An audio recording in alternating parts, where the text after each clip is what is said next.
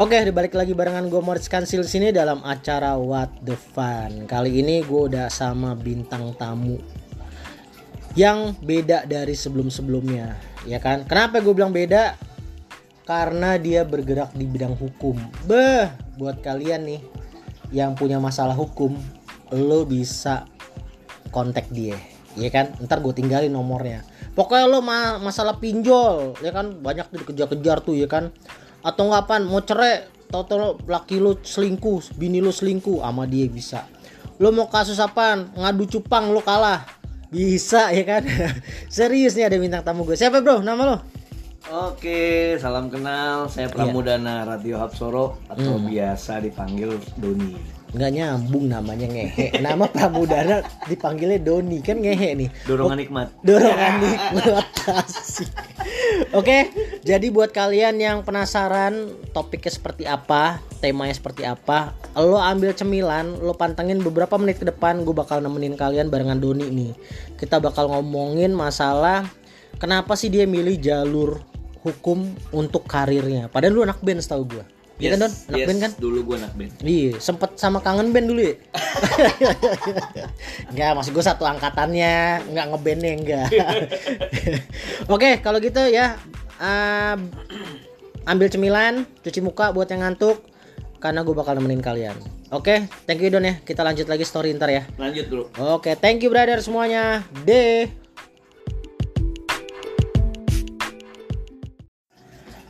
Oke, gue udah balik lagi barengan Doni. Wah, apa kabar Don? Siap, alhamdulillah baik. Baik ya, sehat ya? Brother, sehat, Sehat ya. brother. Oke, lagi sibuk apa nih Don?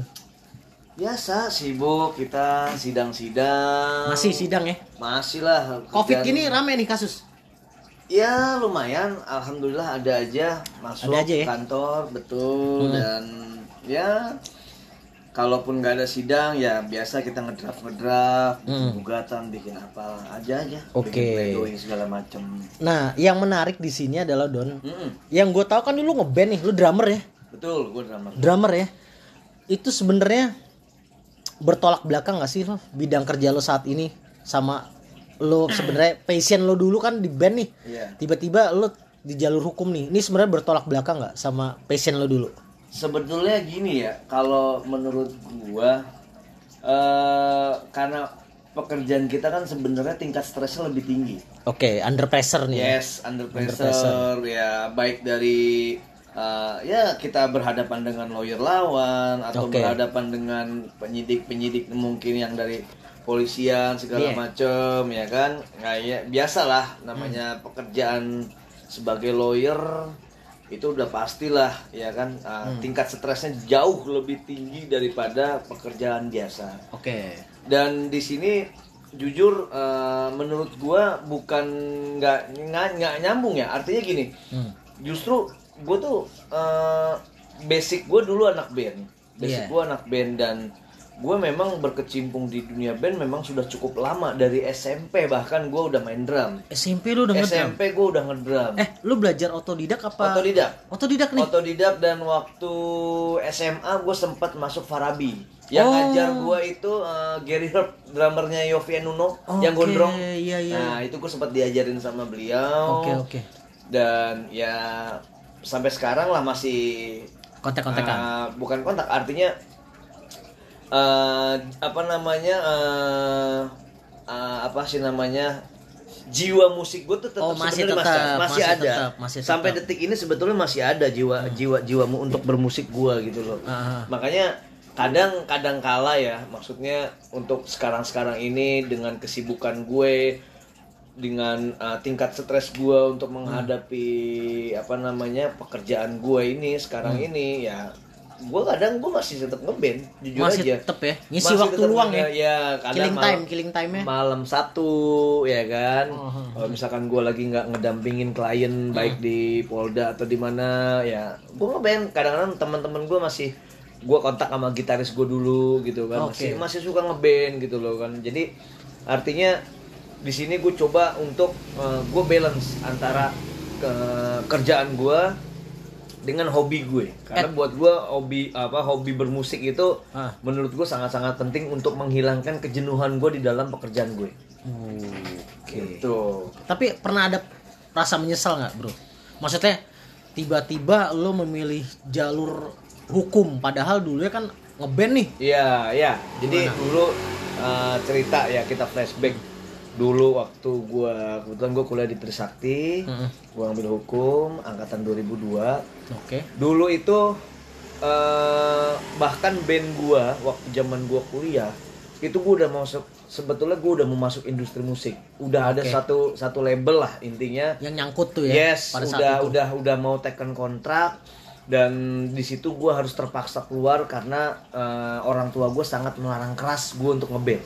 kenapa tuh alasannya Eh, ya jujur memang pasti berantakan karena kita nggak bisa lah mi- milih dua-duanya Hmm. antara kuliah dengan ngeband berbarengan itu ternyata nggak bisa. dan saat itu baru mau awal karir lagi dua-duanya kan Yes. belum ada pilihan nih Belum ada pilihan dan itu di situ bener-bener posisi gue posisi yang sangat-sangat sulit untuk menentukan Oke. apa yang bakal gue ambil gitu loh. Apakah gue terus kuliah atau ngeband yang ada atau, kontrak atau ngeband yang udah ada kontrak yang istilahnya masa depannya itu gue belum tahu. belum tahu dua-duanya Yes. belum tahu nih Dua-duanya memang belum tahu, iya. tapi gue di sini gue mencoba gue ikutin apa yang menjadi kemauan dari kedua orang tua gue. iya iya iya, iya. Itu aja sih intinya eh gue udah sempet dipanggil karena bokap gue sudah ketemu dengan pembimbing akademik gue ya waktu itu kan Oke, pembimbing oke. akademik sudah ketemu sudah konsultasi dan memang di situ kuliah gue tuh memang berantakan banget. Berantakan banget. Nilai itu semua berantakan semua bos. Karena Hancur memang ya. gue eh, nggak pernah kuliah nama gue ada gue nggak pernah kuliah tapi eh, ya itu kegiatan gue ngeband Ngeband, ya ngeband ngeband. terus main di kafe Iya, iya, ya kan? Memang gue dapat duit di situ gitu loh. Memang gue dapat duit gue akuin gue dapat duit di situ. Dan makanya, makanya kayak istilahnya kayak nagih ya. Namanya iya, kita iya. ngeband itu dapat duit dapat duit sendiri. Apalagi gue masih waktu itu di saat gue masih kuliah punya duit sendiri. Terus udah gitu gue juga punya sampingan jual beli mobil. Hmm, ada gue sampingan jual beli mobil. Gue suka ma- emang dari dulu gue suka otomotif juga ya. Oke, mobil oke. gue emang dari dulu modifikasi semua. Jadi Oke. ya itu kadang gue jual apa gue beli jual beli jual gitu sambil gue ngeband. Alhasil kuliah gue yang berantakan. Makanya di situ eh, suatu saat pas setelah gue bener-bener mau apa namanya bener-bener terjun di dunia band yang waktu itu ada salah satu label yang sudah siap menaungi band gue Hmm. akhirnya orang tua gue manggil gue untuk bener-bener menanyakan masa depan kamu mau bawa ke mana? Oke. Dan waktu itu gue disidang sama orang tua gue sendiri dan apa namanya dan gue harus memilih gitu loh. pilihan sulit nih ya? Pilihan sulit dalam hidup gue sangat sangat sulit menurut gue dan itu bener-bener gue nggak tahu lagi harus bagaimana gitu loh. Sedangkan waktu itu gue juga punya alat studio lengkap ya. Gue punya alat studio lengkap. Itu sampai keselnya bokap gue itu semua dijual-jualin bro. Eh ntar lu. Eh. sorry gue potong. Hmm. berarti sebelum orang tua lo menyesali akan keputusan lo ngeband dan dapat duit dari situ sebelumnya orang tua lo support dong. Sampai lo punya studio gila. Support bukan berarti untuk bener-bener pro lu terjun jadi artis. Oh. Atau lu bener-bener terjun eh, lu mau jadi musisi. Oh berarti ini supportnya cuma gara-gara buat lo killing time ya? Yes. Atau enggak lo jadi ini lo di sini deh pada lo nongkrong di luar nggak jelas? Yes maksud bokap gue kayak gitu. Seperti itu. Tapi karena memang gue cita-cita gue memang mau jadi musisi di waktu itu ya.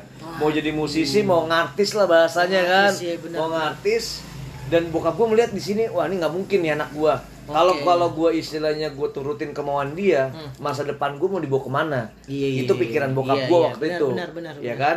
Benar. Hmm. makanya uh, bokap harus ngambil tindakan di saat itu. Tindakan yang sangat tegas. Yes. Untuk ngekat terukur yang jelas ya kan? ngekat lo buat berhenti nih. Berhenti semuanya. Dari kan dunia lo musik. jual nih dijual-jualin kan? Semuanya bos. Dijual bos. Nangis tuh gue wah tiga hari gua kagak makan bos. Seriusan lo tiga hari gua kagak makan sampai Sampai sampai sakit dan gua sampai dibawa ke rumah sakit Pertamina.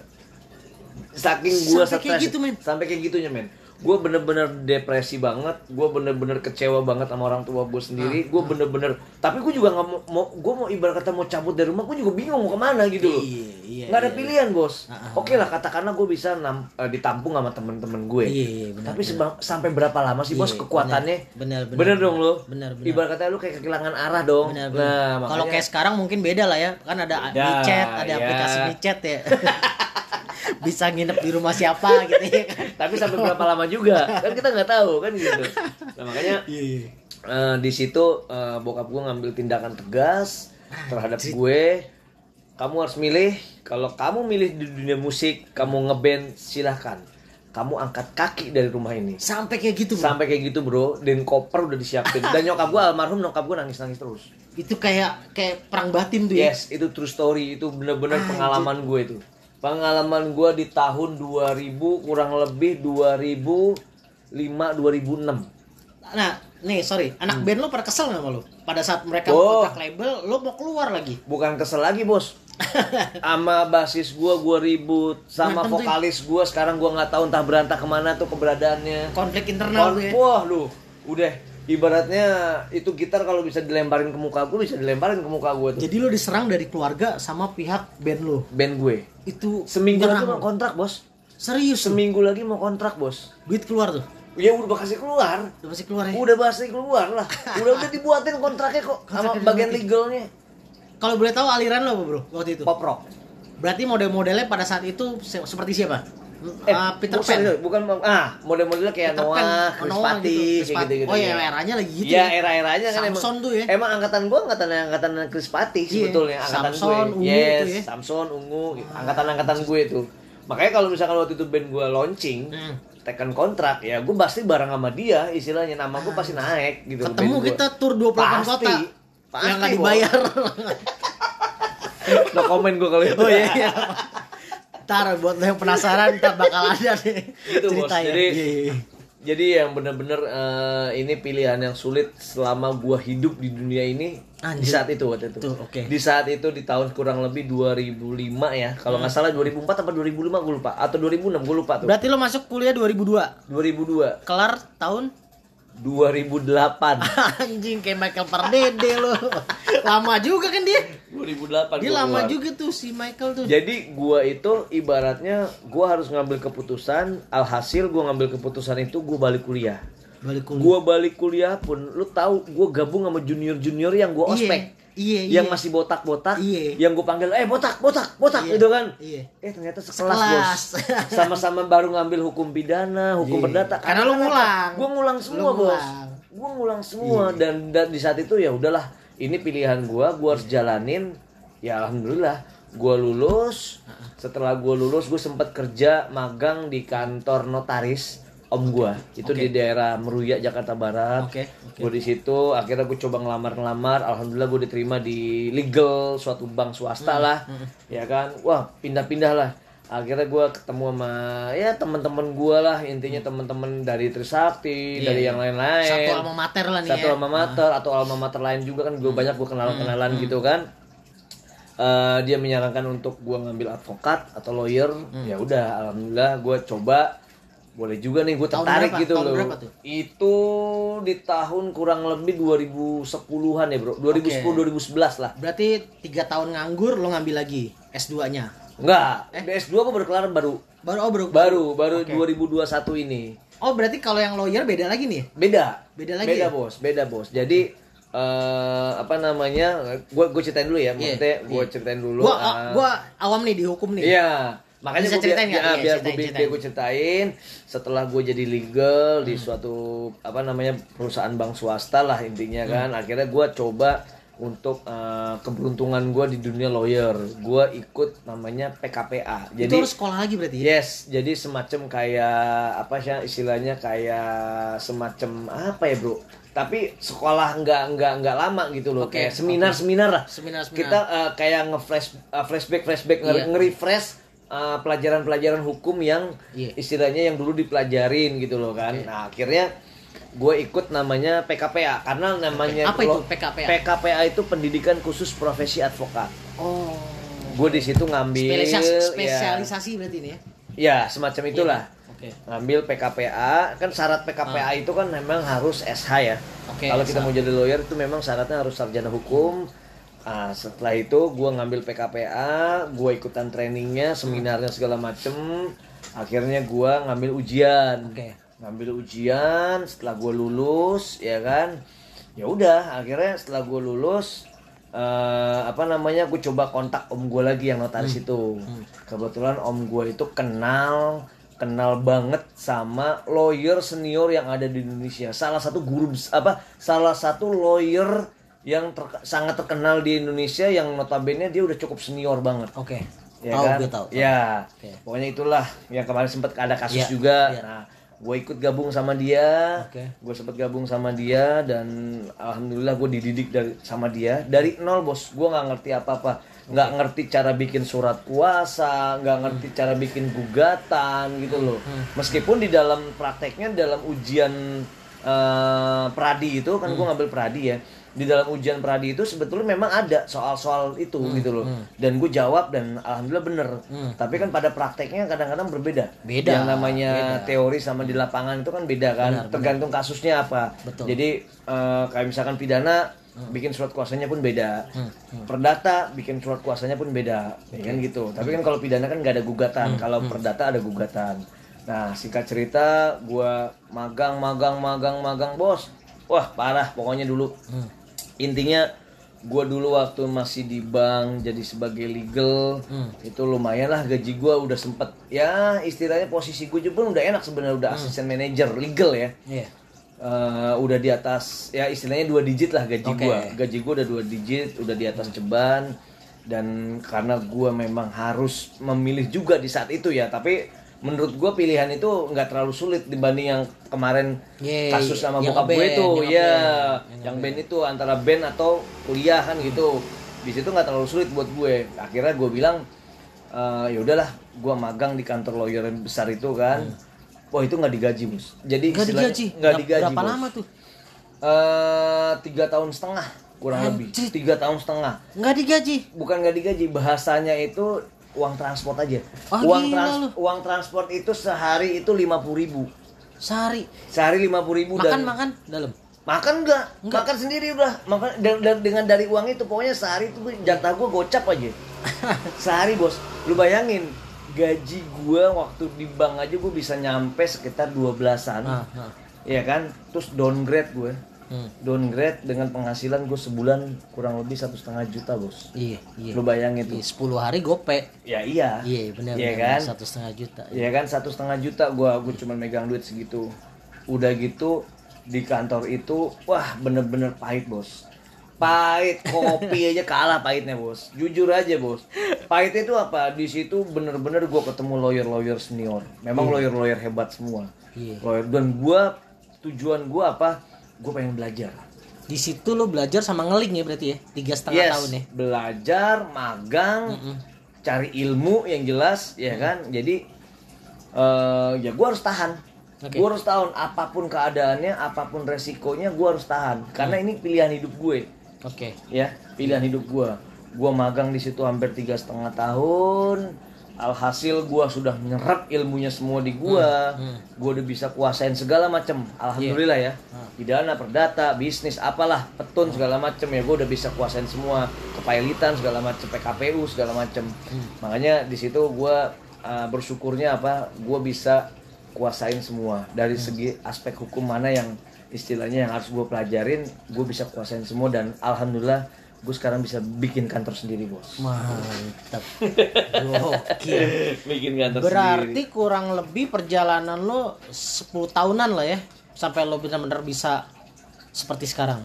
Dari Jelas. lo masuk kuliah. oh iya Iya kan? iya 10 tahun 10 berarti ya? tahun Oke, nah yang tadi yang lo ngambil kelas khusus tuh yang buat PKPA. lo- ah, PKPA. Ah. Berapa biayanya, Bro?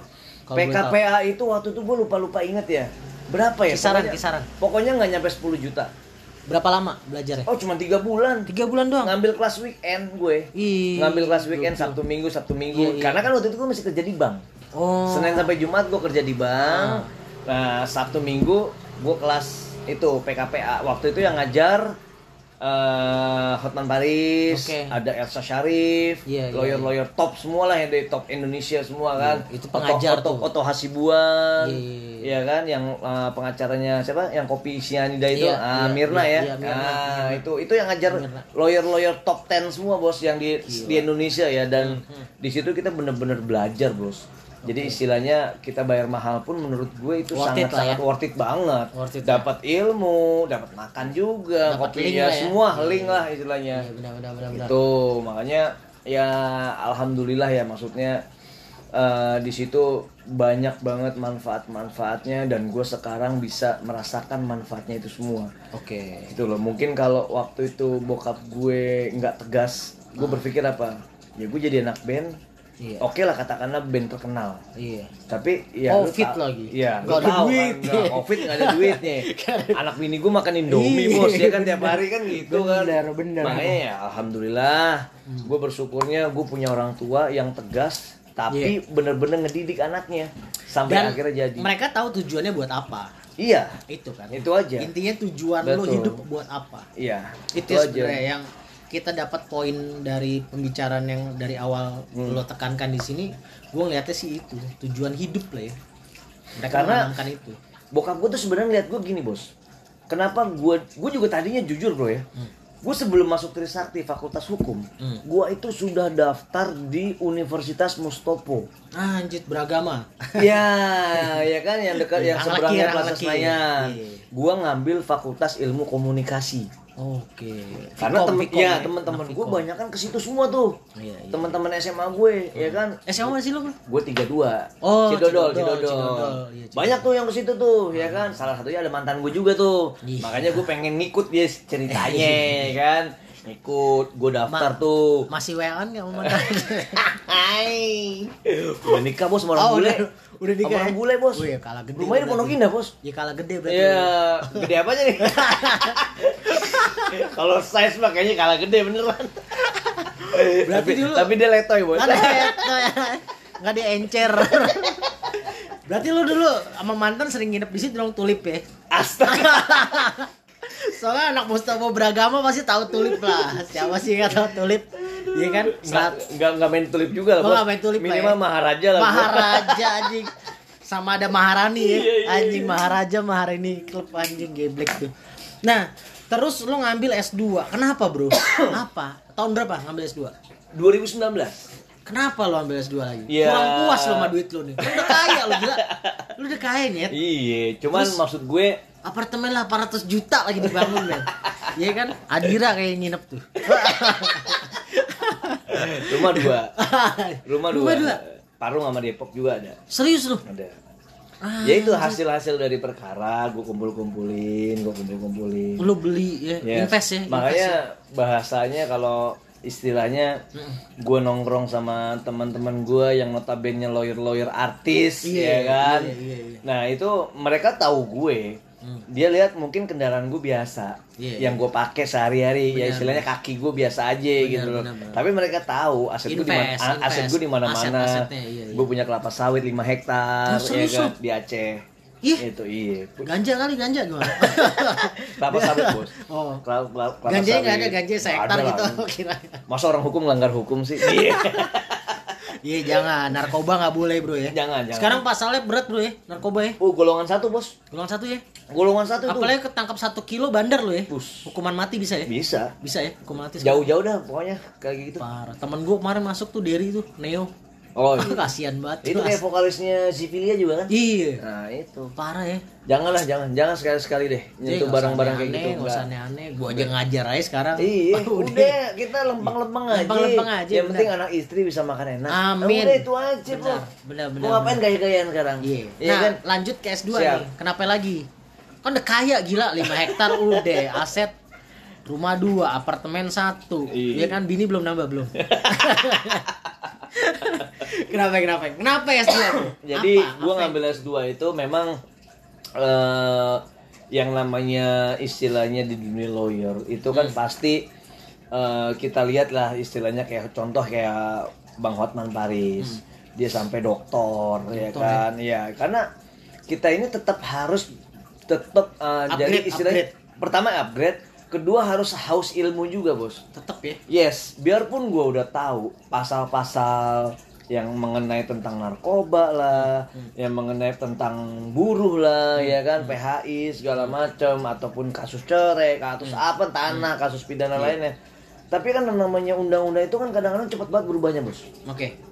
ya Oke, jadi oke. Mereka juga artinya, update ya? iya Update ya? dong jangan sampai jangan sampai kita ini orang hukum kita ini lawyer tapi nggak update Iya. mengenai perubahan undang-undang Benar, atau mungkin ada amandemen atau apa Iya, gitu kan iya, iya. nah itu yang kayak istilahnya eh, jangan sampai kita dipermalukan di depan majelis hakim oh itu malu banget bos Iya. malu pasti. banget bos karena gue pernah lihat kejadian seperti itu gue pernah lihat pas gue lagi nunggu sidang itu ada lawyer-lawyer baru yang ya bisa dikatakan penampilan oke lah ya. Hmm. udah mau ngikutin kayak gayanya kayak Hotman Paris ya kan? Iya. tapi pas dicecer pertanyaan sama pihak lawan terus ditanya sama hakim pelagak pelegek pelagak pelegek ya kan?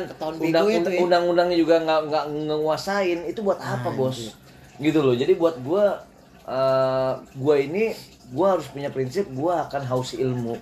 Jadi istilahnya gua akan upgrade terus ilmu-ilmu itu ya sekarang menurut gua ya sorry to say S2 itu menurut gua udah biasa banget bos Biasa banget ya. udah biasa banget Berarti ada rencana ambil S3? kayaknya cukup lah S2 aja S2 dulu ya. Saat ini mungkin S2 dulu ya. saat ini ya gua nggak tahu ya tapi yang jelas tujuan lain gua kenapa gua ngambil S2 itu cuma satu tujuannya yang paling utama ya sebenarnya ini adalah apa memotivasi anak Anak lu nih. yes Oke, kenapa kenapa? Iya. Kok motivasi anak? Mem- memotivasi anak Kan masih jelas, kecil, Bro. iya tapi begini loh bro Eh gue ngikutin prinsip bokap gue juga bokap gue Oh. juga kan S2 kan dia kan cuman dia ngambilnya MM Oke. dia ngambil MM makanya di situ kan kita jadi bisa melihat gitu Hmm.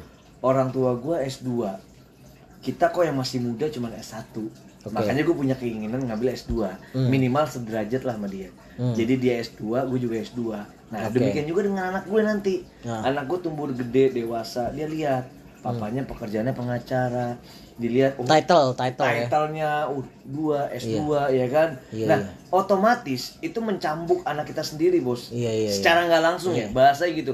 Mencambuk anak kita sendiri supaya apa? Supaya dia ini mau terus berusaha sekolah, sekolah, sekolah. Oke. Ya Ada kan? role modelnya dari yes, keluarga lah ya. gitu. Role jadi modelnya dari jadi keluarga. istilahnya nggak malu-maluin orang tuanya lah. Ya, benar. ya kan? Anaknya juga pun istilahnya minimal S2 juga. Atau dia mau ngambil dokter, gue lebih seneng lagi. Ngambil ya istilahnya kan gitu kan. Benar, benar. Tapi gue jujur ya.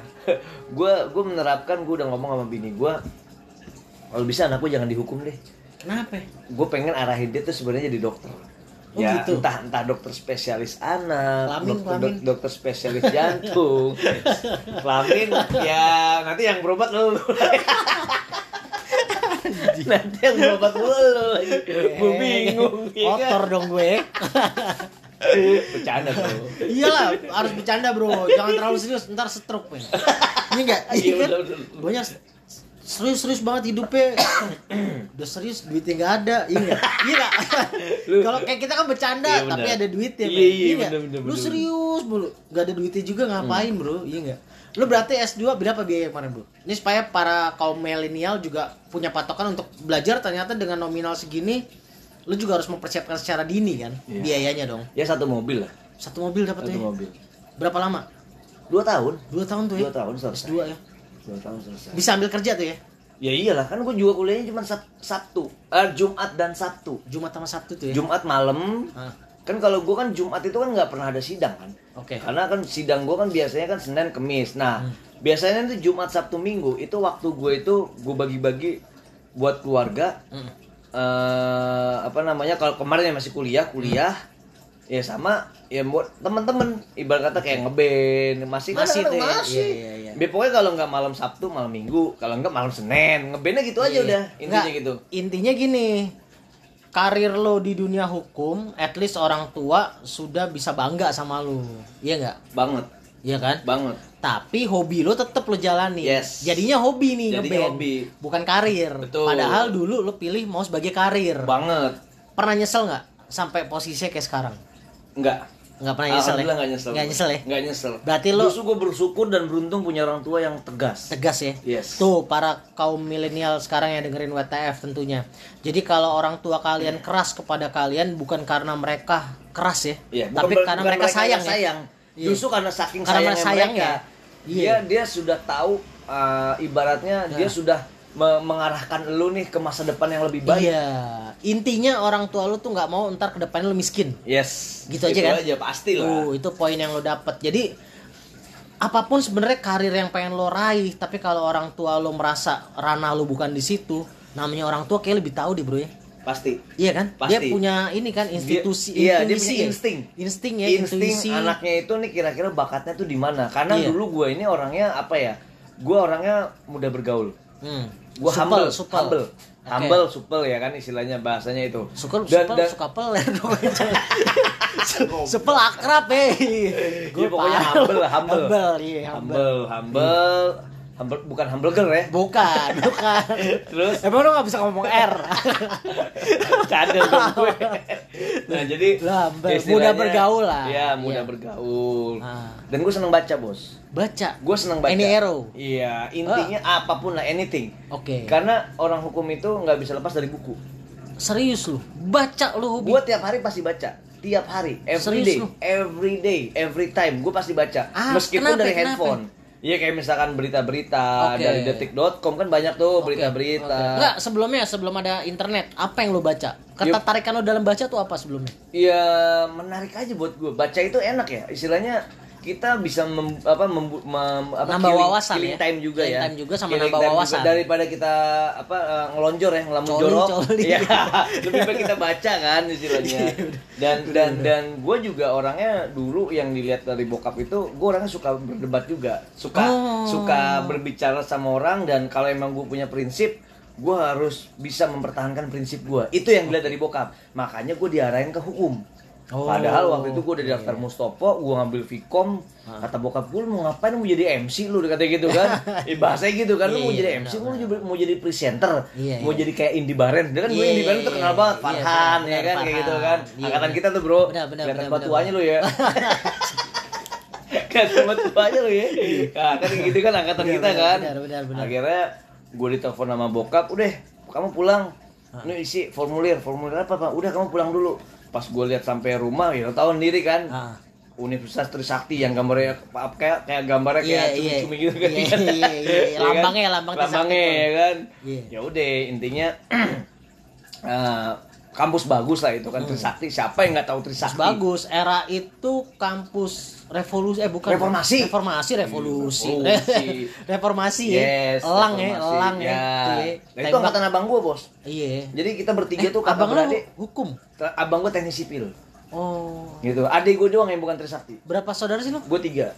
adik lu apa ngambilnya Adik gua itu Kaligrafi. ngam- ngambil Vkom malah justru. Dia ngambil Vkom justru. oh ngambil Dia Vkom ngambil Vkom. di mana Di Budi Luhur. oh dekat rumah Budi gua Luhur, iya. iya. Adik gua di situ dan masih masih masih. masih Masih. sekarang semester Oh, enggak, maksudnya udah lulus. udah lulus Udah lulus. tapi udah pada kerja berarti ya udah, udah kerja ya? alhamdulillah. kakak lu di Abang gua S1-nya Trisakti, S2-nya di eh, Prasetya Mulia. anjing S2 semua nih S3 abang gue. S3 S3 abang gue. gila Abang gue S3 dan dia ngajar juga. sekarang Iya. Dia punya perusahaan sendiri sekarang, IT, bergerak di bidang IT. Oh, dia pre- gitu? dia presdir. wih Abang gue presdir, gue lawyer, adik gue pengusaha. apa bergerak di bidang Wah macem-macem, dia ada IO juga, event Aduh. organizer, ya sama suaminya.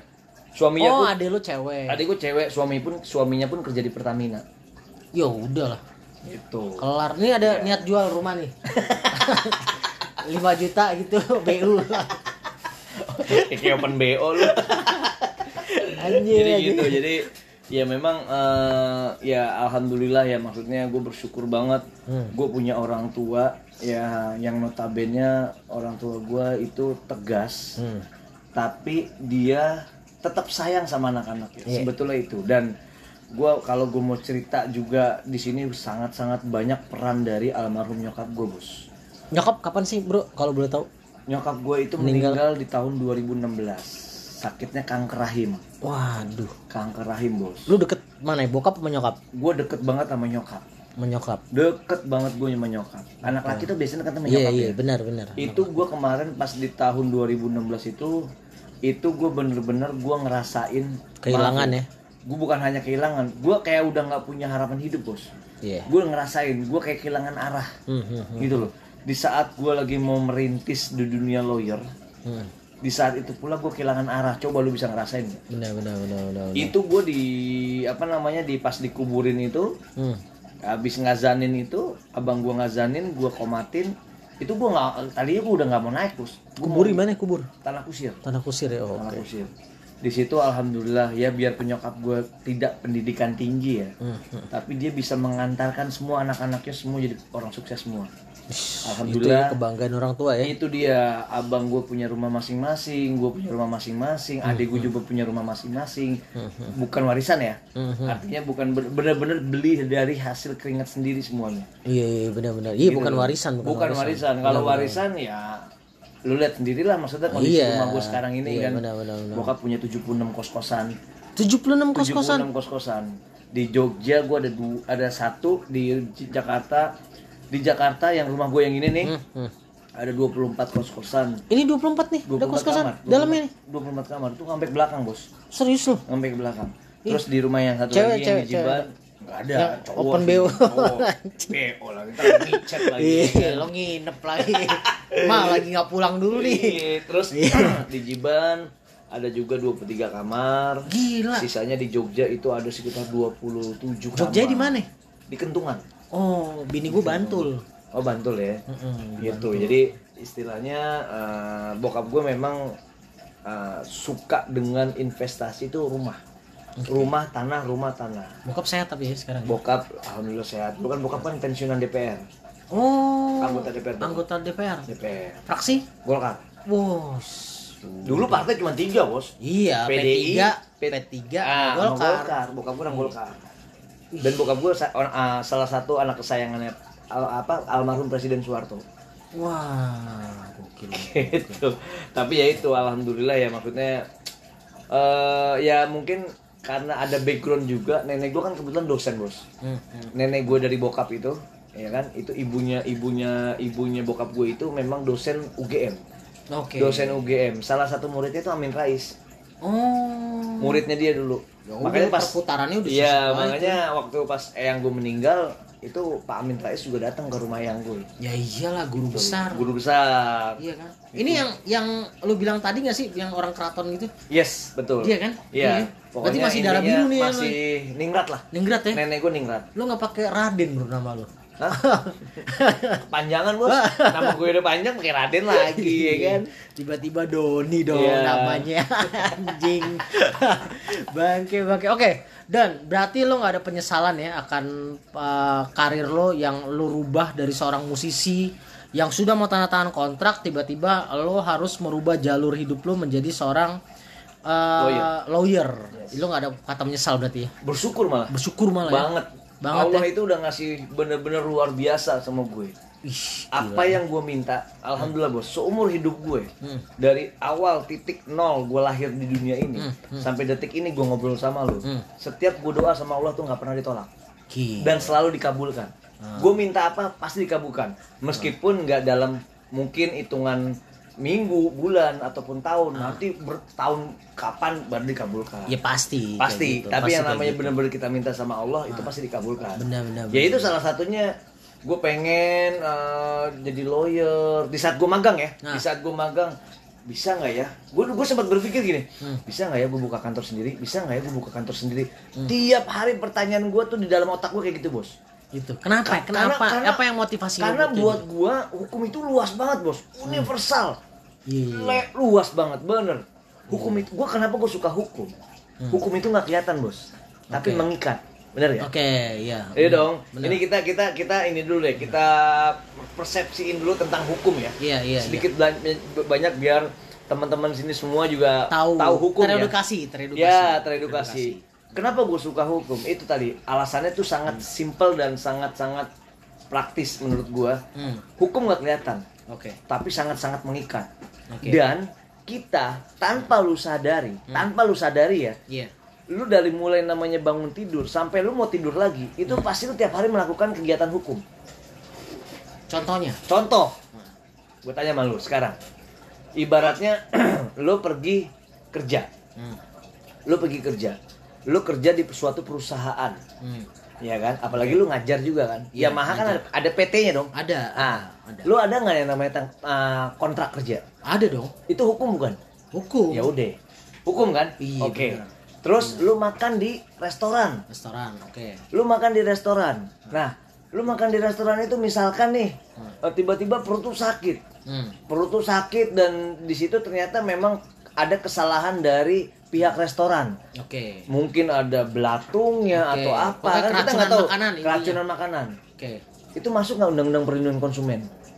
Ada, tanpa Ada. kita sada- sadari ya. Ya itu tanpa kita sadari kan gue bilang. Iya, benar benar benar. Lu ngerokok nih. Sebenarnya udah ngerokok itu kan udah polusi kan? Hah. Masuknya apa? Hukum lingkungan. Hukum semua, Bos. Lu mau dagang, Iya. lu mau buka usaha, Ada perjanjian hukumnya ya. bukan perjanjian hukum. Hah. Ada KUHD, Kitab Undang Hukum Oh, Dagang. iya.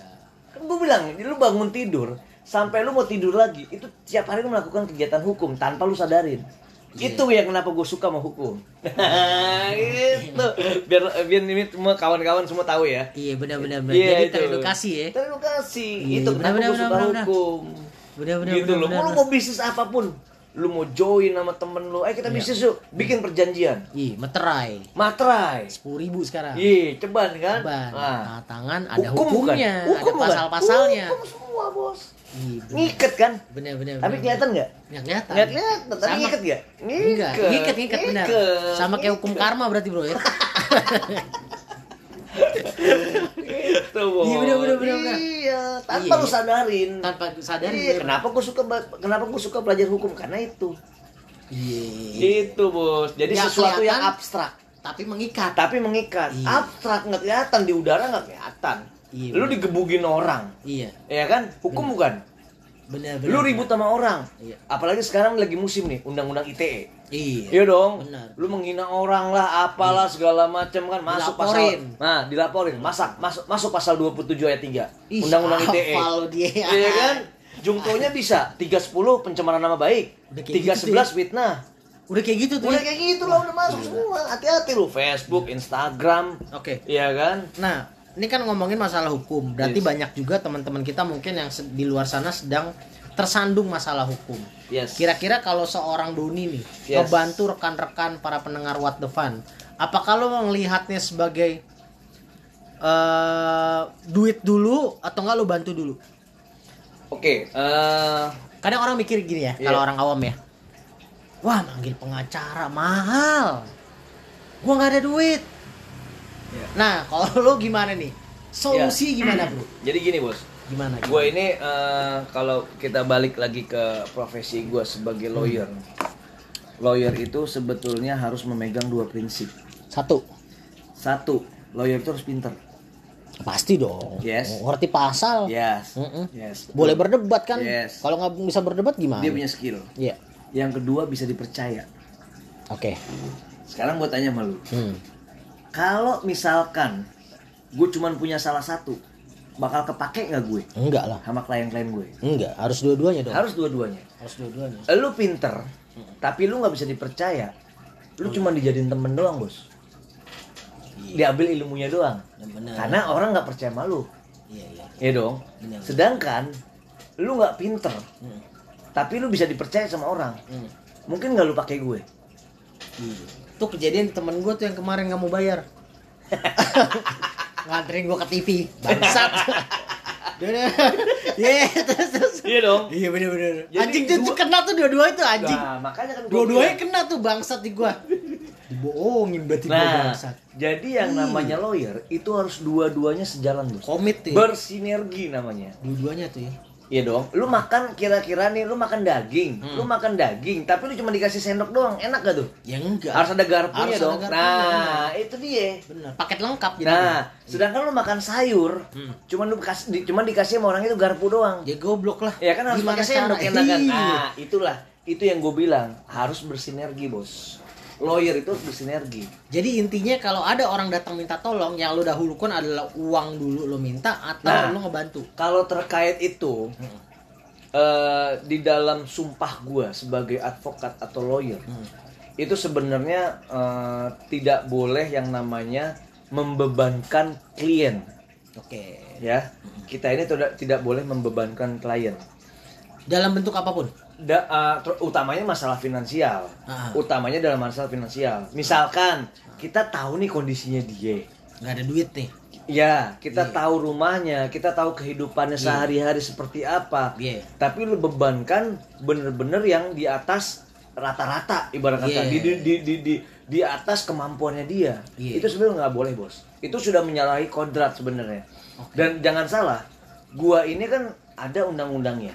Undang-undang 18 tahun 2003 tentang advokat. Di situ semua diatur bos mengenai kode etik. Gua nggak boleh yang namanya ngejanjiin ke klien itu bakal menang. Itu nggak boleh bos. Sama aja kayak dokter ngejanjiin ke pasien sembuh. oh Itu nggak boleh bos. Itu hal yang sangat-sangat krusial. udah tertulis berarti ya Tertulis dan itu harus kita penuhi, harus kita patuhi. oke oke Kalau nggak kartu gue dicabut, kartu beracara gue dicabut. kartu izin lo praktek lah ya Yes. Ibarat kata kalau bawa mobil SIM-nya lah. iya simnya Ya itu. oh tuh ada tuh bro Ya ya ada lah. eh oh iya ngomong-ngomongin kayak lu punya izin kayak gitu apalagi udah S2 kayak gini pemegangan senpi boleh nggak sih lo kalau di lu Kalau untuk masalah senpi sebetulnya ya, sebetulnya uh, temen gue banyak yang pegang. iya kan temen gue banyak yang pegang. tuh. Cuman kan maksudnya gini bro. Kebutuhannya Eh, lihat lagi ya? Senpi itu balik lagi. Kalau kita orang emosian, itu Oh, lebih iya. baik jangan deh. Api jadi ya Iya. panasan Karena udah. karena lu merasa ibarat kata lu ini wah, lu punya segalanya, lu punya kuasa, Iya. lu, Lu punya- ngerti hukum. lu ngerti hukum segala Iya. macem. Padahal balik lagi bos, yang namanya kita manusia itu pasti ada batasnya dong. bumerang yang ada ntar Ya, bakal gitu jadi loh. senjata makan tuan Ya, kalau lu dibilang lu kuasa, ada yang maha kuasa bos di atas. Iya, benar. Ya kan Allah Subhanahu wa taala, bener gak? Benar, benar, Itulah, itu yang paling tinggi menurut gua. Jadi menurut gua makanya jujur lo nggak mau tuh ya? Gua gua tipe kalau orang gua nggak mau megang kayak gitu gituan nggak mau. Tapi gua pun gua nggak pernah takut sama orang. Oh iya iyalah orang kan nggak ada musuhnya bro. Gua kata siapa lu nggak ada musuhnya? Ah serius? Lu? lawyer itu paling banyak musuhnya bos. Tapi kan lu kayak gue liat santai-santai aja santai mulu. santai santai. Karena tipe kal gua beda. Oh. tipe kal gua ibaratnya gua orangnya nggak nggak mau cari ribut oh gitu. Gua nggak mau cari ribut. Lu percaya nggak? Hah. klien gua Hmm. itu sampai berapa kali nyuruh gua ribut terus sama pihak lawan. Kayak gitu? Fight terus. Wah gas terus gempur terus laporin kalau perlu gini gini gini gini gini. Iya ya kan? Ah, ah. kalau gua lawyer yang maaf ya gua bodoh atau gua lawyer yang istilahnya mengejar cuman hanya popularitas di depan klien itu doang gua nggak Iya. mikirin jangka panjang Iya. itu bakal gua lakuin bos. Lo gua- lo tapi mikir jangka panjang nih ya? gua mikir jangka panjang lah hmm. gua nggak mau cuman gara-gara satu manusia itu doang gua ngebelain klien gua tapi reputasi gua hancur Iya. kredibilitas gua berantakan masa depan gua juga jadi berantakan semua. Gua Iya. nggak mau kayak gitu. Dan kerjanya nggak panjang ya? Kerjanya nggak panjang. Oh apa salahnya sih? Dia juga punya lawyer.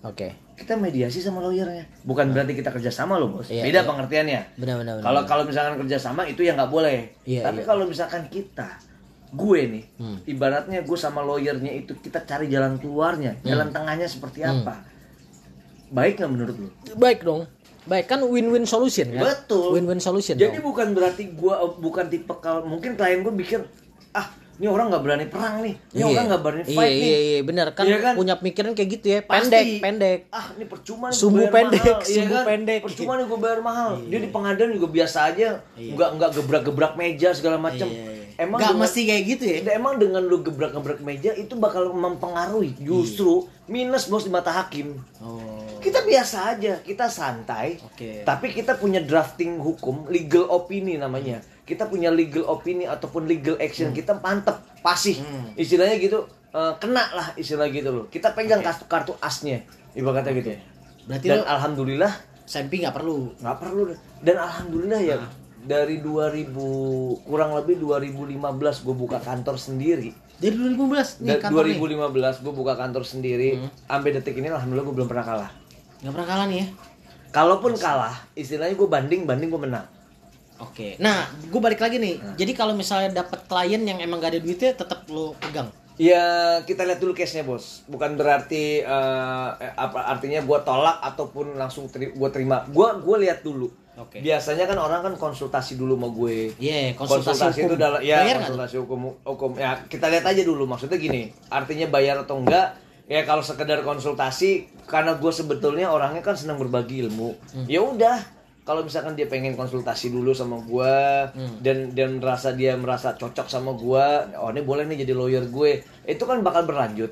Oke. Tapi kalaupun tidak, setidaknya gue sudah membagikan ilmu. Nggak masalah buat gue. nggak masalah ya Nggak masalah buat gue. Iya, iya. Yang penting dalam arti eh, sesuai dengan koridor yang berlaku aja. Artinya ya sebatasnya. Oh, bapak begini, oh ibu begini, begini, begini. Oke, oke buat gue juga nggak jadi masalah.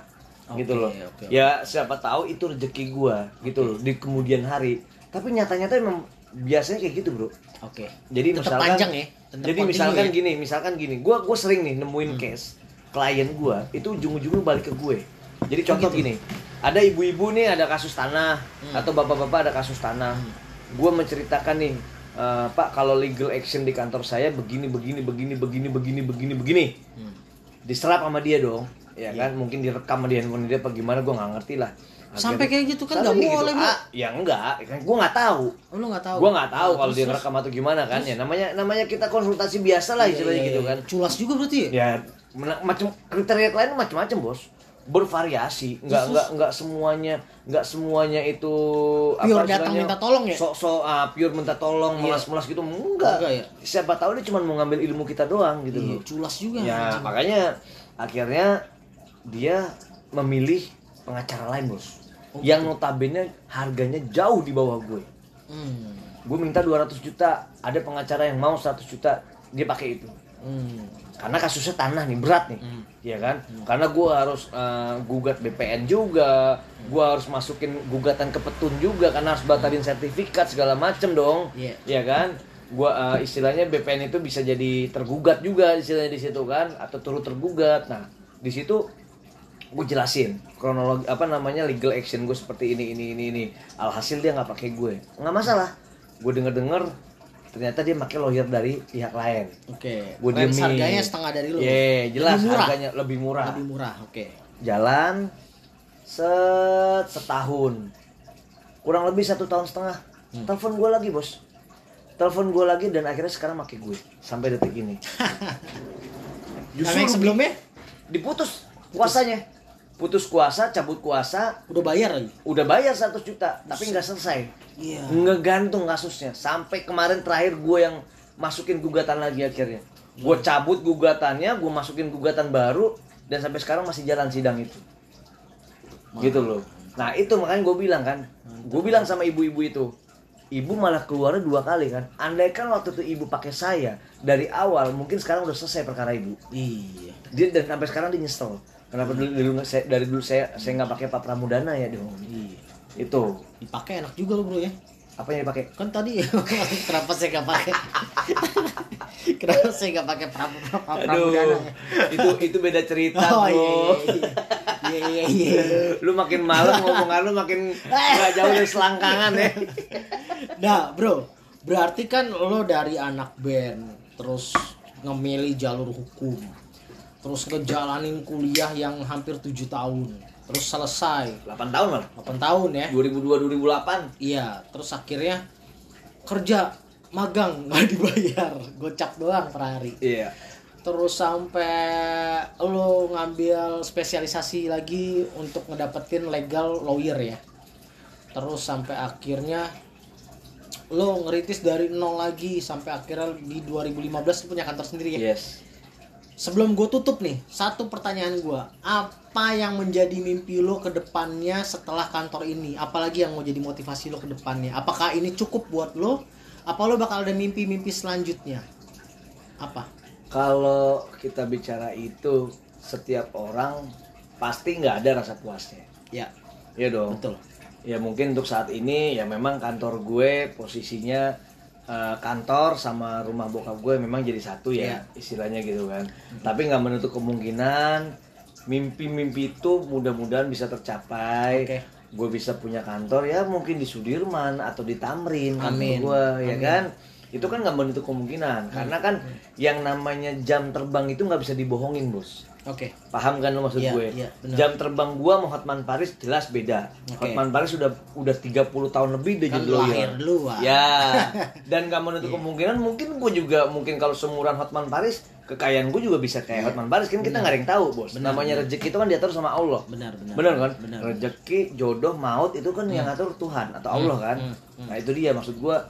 Ya pastilah mimpi-mimpi gue, harapan gue ya gue bisa berkantor yang di istilahnya strat apa segitiga emasnya DKI apa Oke, di Jakarta lah SCBD istilahnya. lah ya. SCBD, Sudirman, Tamrin gitu loh kan. dan eh menurut gua ya menurut gua jangan salah. Hmm. kalaupun ada lawyer mungkin di kantor-kantor yang besar-besar itu ya kan segala macem itu juga kita harus tahu dulu portofolionya seperti apa. Hati-hati bos. Milih lawyer zaman sekarang itu hati-hati karena lawyer-lawyer itu banyak banget yang istilahnya mohon maaf ya ya lu tahu sendirilah seperti apa Hmm. Iya, gitu iya, loh kan iya, iya. ya kan jadi Lu kenal si Mozart nggak sih lo? nggak nggak tahu Ah, aduh, pengacaranya si Kaisang, Kaisangnya si siapa dulu tuh? Mario Teguh anaknya. nggak tahu gue No. nggak nggak. Oh iya, iya. Jadi lawyer nggak semua lawyer bisa dijaminkan bener nih ya. Maksud ya, gitu juga ya? tergantung makanya gue bilang lawyer itu lu istilahnya selain selain yang tadi ya kita bicara masalah pinter sama dapat dipercaya Hmm. lawyer itu juga ada lagi nih versi lainnya ya versi lainnya juga ada dua Hmm. lu mau mau mau jadi lawyer yang bener bener sekalian Oke.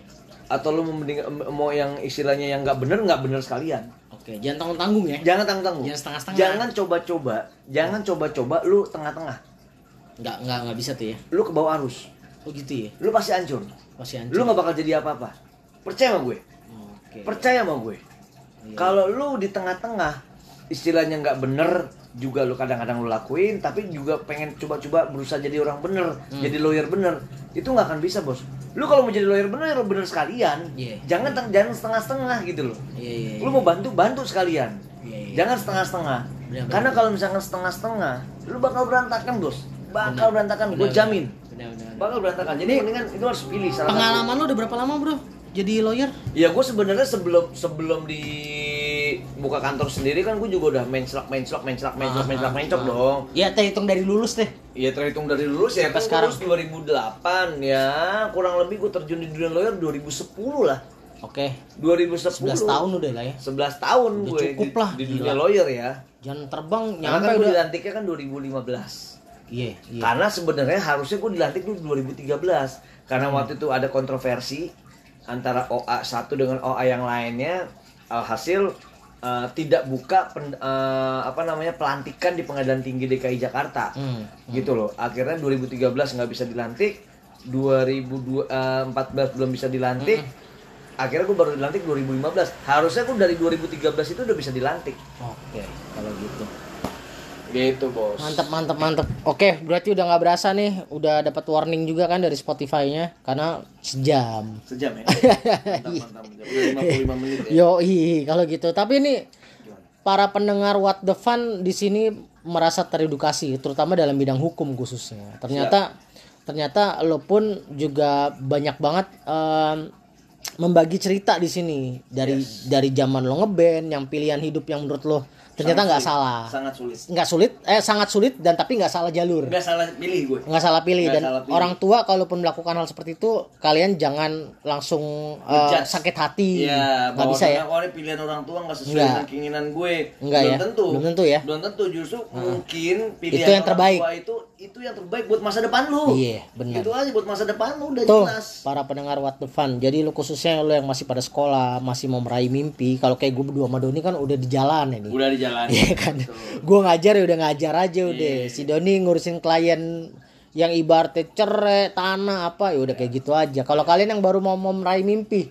jadi jangan pernah berpikiran orang tua kalian itu sangat amat dominan ya Yes. untuk memilih karir kalian ya Betul. nggak bisa jangan, kayak gitu Jangan di- di- dibilang apa istilahnya eh apa sih ortodok ya? Iya, benar. ortodok Iya, gitu benar, kan. benar. Nah, jangan, jangan. Oh, jangan ya Jangan, siapa karena tahu itu pilihan yang terbaik ya Siapa tahu itu justru pilihan orang tua lu itu yang akan membawa masa depan lu yang akan lebih baik. betul Itu aja. Dan kita orang tua gini loh, pada prinsipnya gini aja. Orang tua pun nggak akan ngejebak lu. Benar benar Kayak contoh ibaratnya singa. Iya. Sebuah hewan, eh seor- seekor hewan, singa ataupun macan, itu kan nggak mungkin makan anaknya sendiri, Bos. iya benar Iya dong. Benar, benar, Segalak-galak itu man, ah, tuh hewan istilahnya, Iya, benar. itu nggak akan makan anaknya sendiri. hukum alamnya udah kayak gitu Hukum alam, Iya. apalagi ini manusia, kita punya pikiran, benar akal punya ya perasaan, Akal, ya kan? iya kan? akal Iya, diberikan sama Allah kan, Benar, pikiran benar. segala macam. Makanya benar, benar. sekali lagi gue bilang, jangan sekali-sekali lu membantah apa yang menjadi keinginan orang tua lu. Betul. Siapa tahu itu yang akan membuahkan hasil nantinya di kemudian hari. Benar Memang banget. lu nggak merasakan sekarang. Betul. Tapi nanti 10 tahun ke depan, 20 bisa tahun ke lihat depan, lu hasilnya bisa ya. lihat hasilnya. Benar, benar, Apa benar. yang diarahin sama orang tua lu itu. Pokoknya intinya jangan mengutuk orang tua lo karena lo bakal jadi maling kundang tentunya jadi batu. Iya batu. Batu, batu ginjal. batu ginjal. Don, thank you banget ya. Oke, siap, thank Udah you. nemenin satu jam lebih. Gua doain lu sukses terus, sehat-sehat. Terus pokoknya segala apa pun yang berhubungan dengan klien dan terus-terus menang nih lu. Amin ya Gua Allah, amin. Ya kan? Allah, Amin, amin. Mungkin gue bakal make lu di kasus gua yang akan datang. Asik. Iya. Kita tunggu ya. Don, thank you ya kalau gitu ya. Oke, thank you. Oke, para Sama-sama, pendengar. What the Fun, terima kasih banget yang udah dengerin dari tadi. Kalau gitu, jangan lupa untuk terus berbagi bagi teman-teman, lingkungan kalian, pokoknya terus berbagi hal-hal positif tentunya. Terima kasih.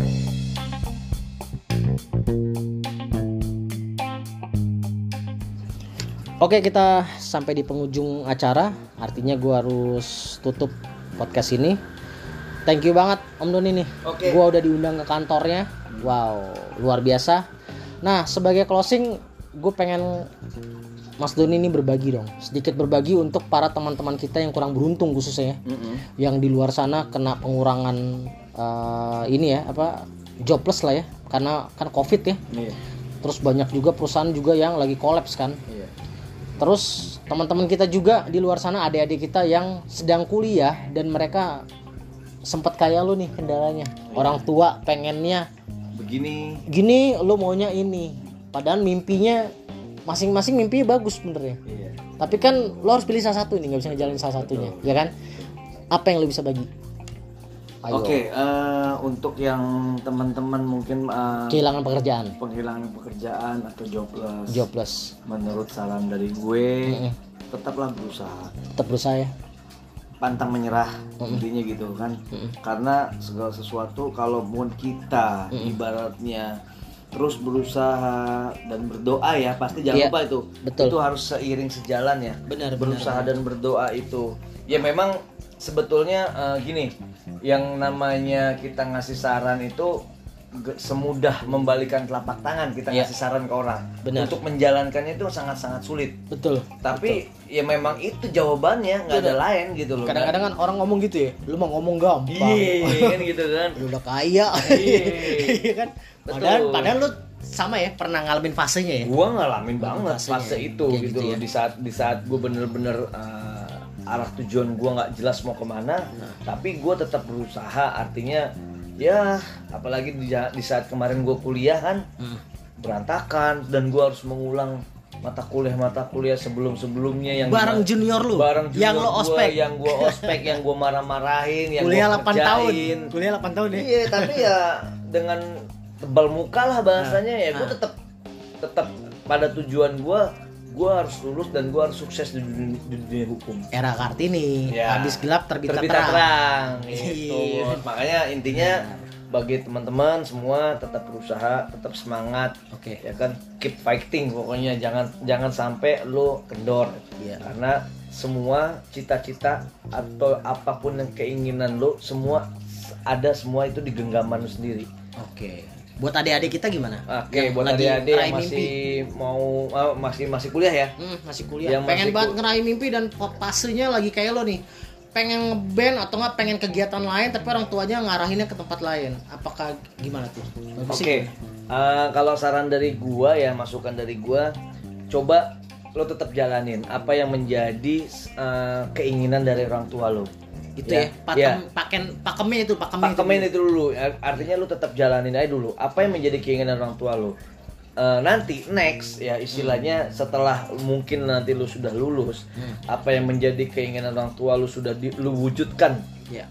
bahasanya gitu ya udah lu wujudkan tapi lu ada passion lain nih yang lu kira-kira ini bisa jadi duit juga nih Iya. istilahnya bisa jadi cuan juga nih buat lu ke depannya ya udah go ahead Hmm. Bisa Yang tetap penting dijalanin bisa kok. Iya. masih bisa tetap dijalanin artinya apa Eh, lu bikin bangga dulu orang tua lu Iya. lu bikin senang dulu orang tua lu karena orang tua lu itu sudah eh, banyak mungkin berkorban buat lu Mengeluarkan biaya. mengeluarkan biaya, Iya. waktu. tenaga, pikiran, waktu mereka buat mikirin lu nih, istilahnya gitu kan. Ah. Coba deh jangan jangan sampai lu kecewain Iya. orang tua lu. Itu aja dulu uh, istilahnya lu penuhin dulu semua kewajiban-kewajiban lu Iya, tanggung jawab. tanggung jawab lu sebagai anak Betul. lu jalankan dulu setelah itu kalau memang lu bukan passionnya di situ Hmm. silakan lu ngambil passion yang lain yang sesuai dengan keinginan lu Hmm. mudah-mudahan itu bisa jadi uh, istilahnya malah jadi sumber keberhasilan lu ya kita nggak tahu gitu loh Betul, banyak kok teman-teman gue yang seperti itu Betul ya. banyak yang tadinya uh, SE Ah, dia oh, su- disuruh orang tuanya ngambil fakultas ekonomi Hmm. ujung-ujungnya dia malah ngambil bidang musik Oke. dia sukses di dunia musik ada Ada ya? ada yang kayak gitu Ada ya? jadi musisi tapi dia punya gelar SE Oke. ada temen gue gitu dan Yang salah satu artis juga lah intinya gitu loh Oke, yang penting bukan artis donasi ya. Hai, siapa tuh artis donasi Gak perlu disebutin namanya deh. nggak boleh sebut merek kan Gak boleh, gak boleh. Ada hukumnya. Ih. Pencemaran nama baik. nanti lu kenal lagi lu undang-undang ITE Gak boleh, gak boleh. Ya gue kan gak nyebutin nama ya. Oh, iya, benar. Kalau berasa ya salah sendiri. ya. Gue gak nyebutin nama siapa-siapa loh. Jadi siapa pun artisnya kalau berasa ya kita gak ngomongin lo. Dia aja baper ya. Iya. makanya kalau misalkan baper ya lu makan Iya, itu baper. gitu Om aja sih intinya thank you banget ya. siap Thank you banget. Pokoknya sukses terus. amin ya Allah Mungkin ntar bakal ada di YouTube channel Inside Plaza. Kalau hari ini kan podcastnya podcastnya What the Fun, Yes. What the Fun podcast. Berikutnya ada di YouTube-nya Inside Plaza. Kalau Yes. berikutnya gue bakal ada tim yang ke sini, siap bakal datang ke rumah lo. Mantap. Ya kan? Siap. Ya, jadi liputannya bisa visual. siap Kalau hari ini audio aja. bisa bisa langsung lihat ketampanan gue Wih, bener. Terutama kaum wanita micet Iya. yang mau kos-kosan 200 ada loh daerah Kebayoran. Langsung aja ntar di kontak. eh, ntar gue minta nomor lu gue taruh di ini nggak apa-apa ya? iya nggak apa-apa dong Buat bantuan hukum. iya iya dong Pokoknya apa pun tahu- masalahnya bisa ya. WA kalau artinya ya. gini eh, bagi teman-teman nih yang Ah. istilahnya mungkin keluarganya atau mungkin saudara atau mungkin teman yang. Ingin mendapatkan yang bantuan ingin hukum. ingin ingin istilahnya eh, dapat suatu kayak pandangan hukum Iya, atau konsultasi sekedar- pun bisa ya? konsultasi ada Iya. masalah apa pun bisa Hmm. langsung hubungin saya aja nanti nomornya langsung di apa masukin Ada, sama ada, ada, AA, ada, biar langsung. di, biar biar dimasukin jadi Bisa langsung intinya kontak di situ intinya ya? langsung kontak saya aja Itu WA Allah ya bisa ya. bisa WA Nah, bisa, bisa ya. telepon, Telepon insya bisa ya? Insya Allah saya bisa bantu dalam Oke. arti ya kita lihat dulu perkara seperti apa karena Hmm. yang namanya yang namanya perkara itu kan memang nggak semudah yang istilahnya kita bayangkan Oke. oh ini perkara gampang kok pak sebenarnya begini begini tapi pada Iya. kenyataannya banyak yang rumit juga Yang awam mah ngomongnya gampang. Lu kan Iya. yang ngerti pasal. gue yang jalanin kan gitu Lu yang ngerti pasal nih, nggak bisa nih. betul bos Iya kayak gitu ya. siap Oke, oke kalau gitu thank you. banget Om Doni Thank sampai you. ketemu lagi. thank you thank you thank you. Dan kita bakal lanjut ntar di Inside Plaza YouTube. Thank you Siap. ya. Selamat malam. selamat malam Bye.